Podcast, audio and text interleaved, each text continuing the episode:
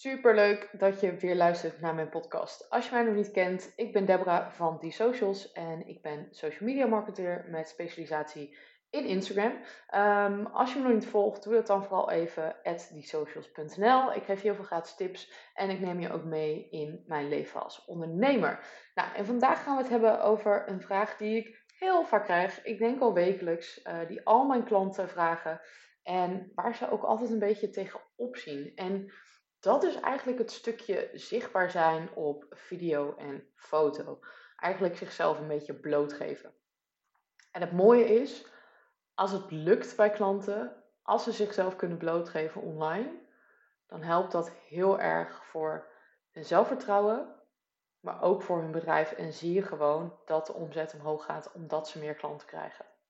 Alleen ik denk dat dit een van de moeilijkste dingen is van Instagram, van social media. En mensen denken vaak dat ik dit altijd al kon. Dat ik altijd zo makkelijk online praatte, dat ik heel makkelijk video's op kon nemen. Maar dat is echt niet zo geweest. En volgens mij heb ik het in een vorige podcast ook wel eens verteld. Toen ik op school zat, moest ik een uh, televisieprogramma aan elkaar praten. Ik heb journalistiek gestudeerd. Nou, dat vond ik echt verschrikkelijk. Ik had echt zo'n rode kop. En nee, ik was veel te serieus en ik vond het doodeng. En nee, dat was gewoon echt niet, uh, niet mijn ding. Terwijl ik vond presenteren echt wel heel leuk om te doen. Maar ieder geval, dat dacht ik. En dan moest ik beginnen en dan kreeg ik gewoon een blackout. En dat ging gewoon niet. Terwijl Instagram Stories, dat vind ik mega leuk om te doen. Alleen dat was in het begin ook niet zo. Want ik zag het altijd wel bij wat andere mensen dat ze stories maakten. Um, maar het was ook, ja, stories was ook pas net. En toen ik met Instagram begon, bestond het niet eens. En ik denk dat het sowieso iets van nature is. Kijk, niemand wordt geboren dat hij meteen denkt, nou ja, trouwens, als baby word je continu op de foto gezet. maar de meeste mensen vinden het gewoon niet fijn om op de foto te gaan, om op video te gaan. Um, ik weet niet precies wat het is. Dan voel je je gewoon heel erg kwetsbaar. Omdat je weet dat er mensen kijken, omdat mensen je beoordelen. Terwijl andere mensen, die vinden bijvoorbeeld op een podium staan, vinden ze doodeng. En de eerste keer vond ik dat ook super eng. En dat vind ik eigenlijk enger dan een video maken. Want als ik op een podium sta, dan zie ik de gezichten. Uh, en dan kan ik ook de reactie meteen zien. Terwijl in stories, ja, in principe zie ik niemand. Dus ja, weet je, een eventueel latere reactie, dat boeit mij minder dan als ik een persoon meteen zie. Uh, dus ik ben benieuwd hoe dat bij jou zit. Maar ik denk dat het uh, bij de meeste zo is dat ze het nog gewoon heel spannend vinden. Wat ook heel logisch is. Ik bedoel, ik had dat ook. En ik ga je ook niet vertellen dat het bij mij meteen natuurlijk was. Maar je moet eigenlijk even teruggaan naar een moment in je leven dat je iets moest doen wat je heel erg eng vond of heel erg moeilijk vond. En nou wil ik dat je eens gaat bedenken hoe lang het duurde voordat je dat kon. Voordat je dat helemaal kon zonder angst. Toevallig, ik begon vorige week uh, weer met skileren, omdat we dus allemaal uh, niet naar sportschool mogen. En uh, ik dacht, oh, dat doe ik wel even. Dus ik ging op die skieler staan. Nou, dat ging gewoon niet. Ik vond het doodeng. Het ging zo hard. Ik wist niet hoe ik moest remmen. Ik dacht, oh, fuck, fuck, fuck. En ik ben afgelopen week ben ik elke dag gaan skileren. Elke dag een uur. En het gaat steeds beter ik vind het nog steeds wel spannend bij een spoorwegovergang of bij een kruising. En ik ben heel erg aan het oefenen met mijn remmen, maar het is nog steeds niet perfect. En ik vind het nog steeds spannend. Dus eigenlijk moet je het even vergelijken met iets anders in je leven. Wat je dus ja, overwonnen hebt, of wat je gedaan hebt, of waar je misschien nu mee bezig bent. Is er iets anders in je leven wat meteen super goed ging? Of meteen dat je dacht, yes, dit kan ik gelijk. Er zijn heel weinig dingen. We moeten leren, we moeten oefenen. En dat is met alles. En dat is met stories precies hetzelfde. Met video's opnemen precies hetzelfde. En tuurlijk zal het de ene beter liggen dan de ander. Ik bedoel, ik kan veel makkelijker een video opnemen dan dat ik een artikel moet schrijven. Dat is voor mij weer moeilijker, terwijl ik heb journalistiek gedaan. Maar ik haal daar gewoon geen plezier uit. Terwijl een video, daar haal ik heel veel plezier uit. Of een podcast vind ik ook heel erg leuk om te doen. Omdat ik dingen veel beter kan uitleggen dan met tekst. Kan veel beter in een video uitleggen wat ik bedoel. En ik kan ook meer zijweggetjes ingaan. En met een artikel kan dat niet. Dus dat is natuurlijk voor iedereen ook weer anders. Dus ik zeg ook niet dat je het moet doen. Ik zeg ook niet dat je video's moet maken of stories moet maken. Maar uit mijn ervaring heb ik wel geleerd dat ook bij klanten, als ze stories uiteindelijk gaan maken, dat ze merken dat ze veel meer interactie op Instagram krijgen. En dat ze daardoor ook meer klanten krijgen. En dat heeft natuurlijk weer te maken met dat stukje personal branding. Dat mensen jou zien en gelijk een goed beeld van jou hebben. Hoe beweeg je, hoe praat je, hoe zeg je dingen. En in het begin is dat echt oefenen. Want ik kreeg een opmerking van iemand toen ik net begon met stories maken. Dat ze, ze zei, ja je moet iets meer lachen. Want hè, dan ben je hartstikke leuk als je lacht. Nou, ik ben heel mijn leven onzeker geweest over mijn tanden. Ik heb wit vlekjes op mijn tanden, staan ook niet helemaal recht. En dus ik lachte eigenlijk nooit met mijn tanden bloot. En ik vond lachen heel overdreven. Waarom zou ik lachen in stories? Want ik moet er gewoon niet lachen om mezelf. Ik vertel gewoon iets. En ik ben er heel erg op gaan letten. En in het begin voelde dat super onnatuurlijk. En daarna werd het een gewoonte. En dat is met alle gewoontes, dat heeft tijd nodig. Je moet er in het begin heel erg op letten dat je bepaalde dingen doet. En daarna wordt het heel natuurlijk voor je. En stories opnemen kost ook helemaal niet heel veel tijd. Mensen denken vaak dat ik de hele dag bezig ben. Maar meestal op twee momenten op de dag maak ik stories. Of soms maak ik ze gewoon alvast in mijn telefoon en sla ik ze gewoon op. Zodat ik ze later kan plaatsen. Uh, en dan kost het niet veel tijd. En de vraag die ik ook heel vaak krijg is van ja, wat moet ik dan plaatsen? Want mensen vinden het toch niet interessant wat ik doe. En die, dat is gewoon een hele grote denkfout.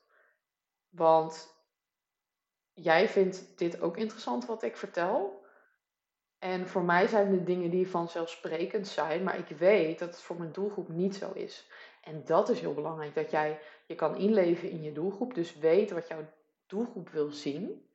En weet je, het is ook gewoon proberen. En als ze het niet interessant vinden, who cares? Wat is het allerergste wat er kan gebeuren? Dat niemand kijkt. Nou, dan weet je dat ook weer. Dan kan je in statistieken zien, uh, mensen vinden dit niet leuk om te zien. Misschien moet ik eens wat anders proberen. Of een andere manier. Of moet ik op een andere manier zeggen, vertellen. Hou vol. Ga hier gewoon mee aan de slag. Ga vaker stories maken. Want dan word je er ook beter in. En als jij je eigen stories verschrikkelijk vindt om te zien, dan zullen andere mensen het waarschijnlijk ook niet heel erg tof vinden om te zien ik moet altijd heel lachen, lachen om mezelf. Gewoon om de domme dingen die ik soms zeg. maar zo ben ik gewoon. Ehm, en weet je, er zullen mensen zijn die denken, Deborah, doe gewoon normaal. Maar ik weet dat er ook mijn doelgroep, de mensen die ik wil aanspreken, die ik uiteindelijk als volger weer of als klant, die nemen mij zoals ik ben. En die vinden dit juist leuk om te zien, de echte Deborah. En al die andere mensen die dat niet interessant vinden, dat maakt mij niet uit. Want dat is niet mijn doelgroep. En je kan nooit iedereen pleasen. Het kan gewoon niet. Je kan echt niet iedereen pleasen. En weet je wat, wat ik zeg? Je moet zoveel mogelijk gaan testen en dan weet je wat werkt. En maak gewoon een afwisseling. Je hoeft niet continu video's te maken. Je hoeft niet continu alleen maar foto's te delen. Juist die afwisseling maakt stories zo interessant.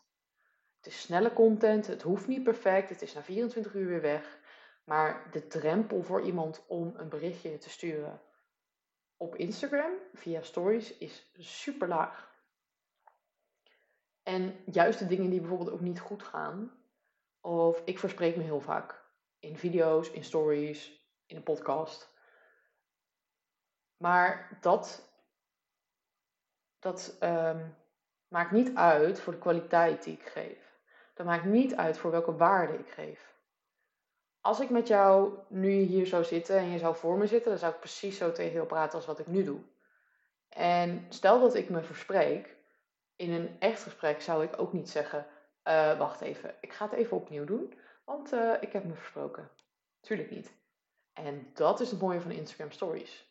Eigenlijk die versprekingen, die dingen die niet helemaal lekker gaan, misschien een utje erbij. Weet je, dat is ook hoe je in het echt met iemand praat. En via Instagram Stories kan je zo dicht bij de werkelijkheid komen. Wat juist jouw klanten aantrekt omdat ze gewoon mensen willen zien. We willen menselijkheid. We zijn klaar met alle filters. We zijn klaar met alle neppe gedoe. We willen de echte momenten zien. We willen gewoon de echte jij. Want als ze dan bij jou komen en je bent heel anders, dan is dat echt een mega afknapper.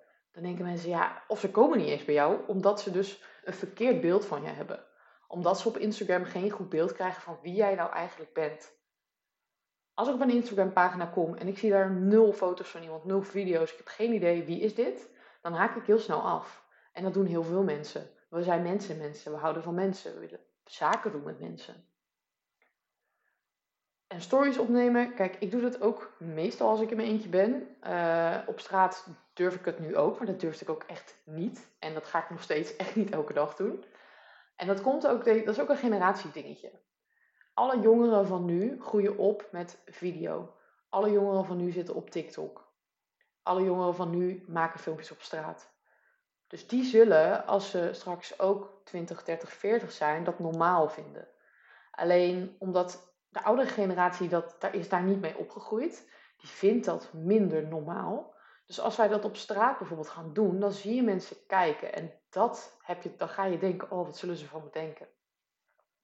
Omdat er een soort beeld hangt, uh, als jij jezelf filmt of een foto van jezelf maakt, dan ben je ijdel. Dan ben je arrogant. Dan hou je van jezelf. Dat is het niet. Je hebt gewoon zelf, er is een verschil tussen zelfvertrouwen en arrogant zijn. En jezelf gewoon accepteren zoals je bent. Of jezelf helemaal geweldig vinden. Daar zit echt een groot verschil tussen. Maar andere mensen kennen jou niet, dus die weten dat niet. Die denken, oh, daar heb je misschien weer zo'n... Weet je, mensen denken dat vast ook van mij. Oh, daar heb je zo'n Insta-meisje. Maar ik weet beter. Ik weet echt wel beter. En dat is gewoon een generatiedingetje wat na verloop van tijd ook gaat veranderen. En ik zeg niet dat iedereen zo is. En ik zeg niet dat iedereen zo denkt. Maar op zich is het ook een hele logische. Weet je, mensen zijn gewoon camera's niet gewend. Als je met, op camera gaat lopen, dan kijkt iedereen. Als ik een fotoshoot op straat heb, dan kijkt iedereen of maakt allemaal opmerkingen. En daar moet je gewoon scheid aan krijgen. Alleen, ik snap heel goed dat je dat niet hebt. Want ik had dat ook niet. Ik was altijd heel erg bezwaard. En bijvoorbeeld mijn eigen stem. Ik heb laatst voor het eerst in mijn hele leven een story op Instagram gezet dat ik aan het zingen was. Nou, sorry, maar zelfs mijn vriend heeft mij nooit horen zingen. Dat was gewoon iets, dat durfde ik niet. En weet je, ik ben gewoon niet goed in zingen, maar af en toe voor de fun. En vroeger vond ik het wel heel leuk, maar nu, uh, nu ben ik er gewoon niet zoveel mee bezig. Maar bijvoorbeeld mijn eigen stem, ook op stories, vond ik in het begin echt verschrikkelijk. Echt kippenvel gewoon. En dat ik dacht, huh, bah. En dan ga je tien keer luisteren, want dan moet je die teksten onderzetten in stories. Gaat allemaal niet. Uh, ja, weet je, dat, dat is iets, daar moet je echt aan wennen. Maar geloof mij, 99% van de mensen heeft precies hetzelfde. Die vindt zijn eigen stem verschrikkelijk. Je hoort het gewoon anders, omdat je het niet... Ja, je hoort het vanuit een andere hoek dan in je hoofd. Dus tuurlijk is dat een ander geluid. Uh, maar andere mensen zien jou anders dan dat jij doet. En die luisteren dus ook anders naar jouw stem dat je, dan dat je zelf doet. Ik ben er ondertussen aan gewend. Uh, maar ja, het is een beetje met wie ik ben. Want als ik dan bijvoorbeeld met familie en vrienden ben, of met mensen en die luisteren iets van mij en ik hoor mezelf dan, dan heb ik wel een beetje weer zo'n schaamtegevoel. Terwijl als ik alleen ben, heb ik dat helemaal niet meer. Maar goed, dit is dus een probleem wat iedereen heeft. Dus ik hoop dat je een beetje snapt dat je echt niet de enige bent. En dat ik dat dus ook altijd heb gehad.